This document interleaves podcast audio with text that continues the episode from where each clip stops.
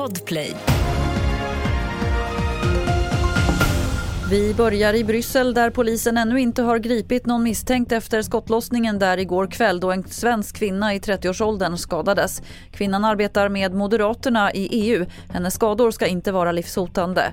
Belgisk polis tror inte att det är terrordåd utan att det kan vara en narkotikauppgörelse.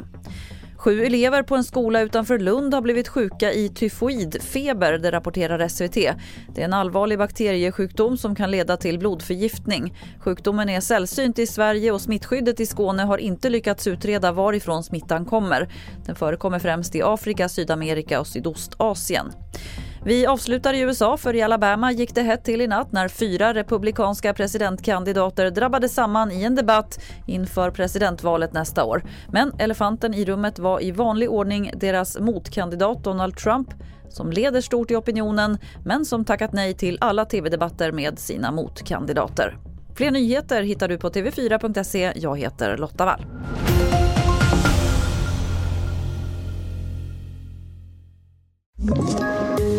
Poddtips från Podplay. I fallen jag aldrig glömmer djupdyker Hasse Aro i arbetet bakom några av Sveriges mest uppseendeväckande brottsutredningar.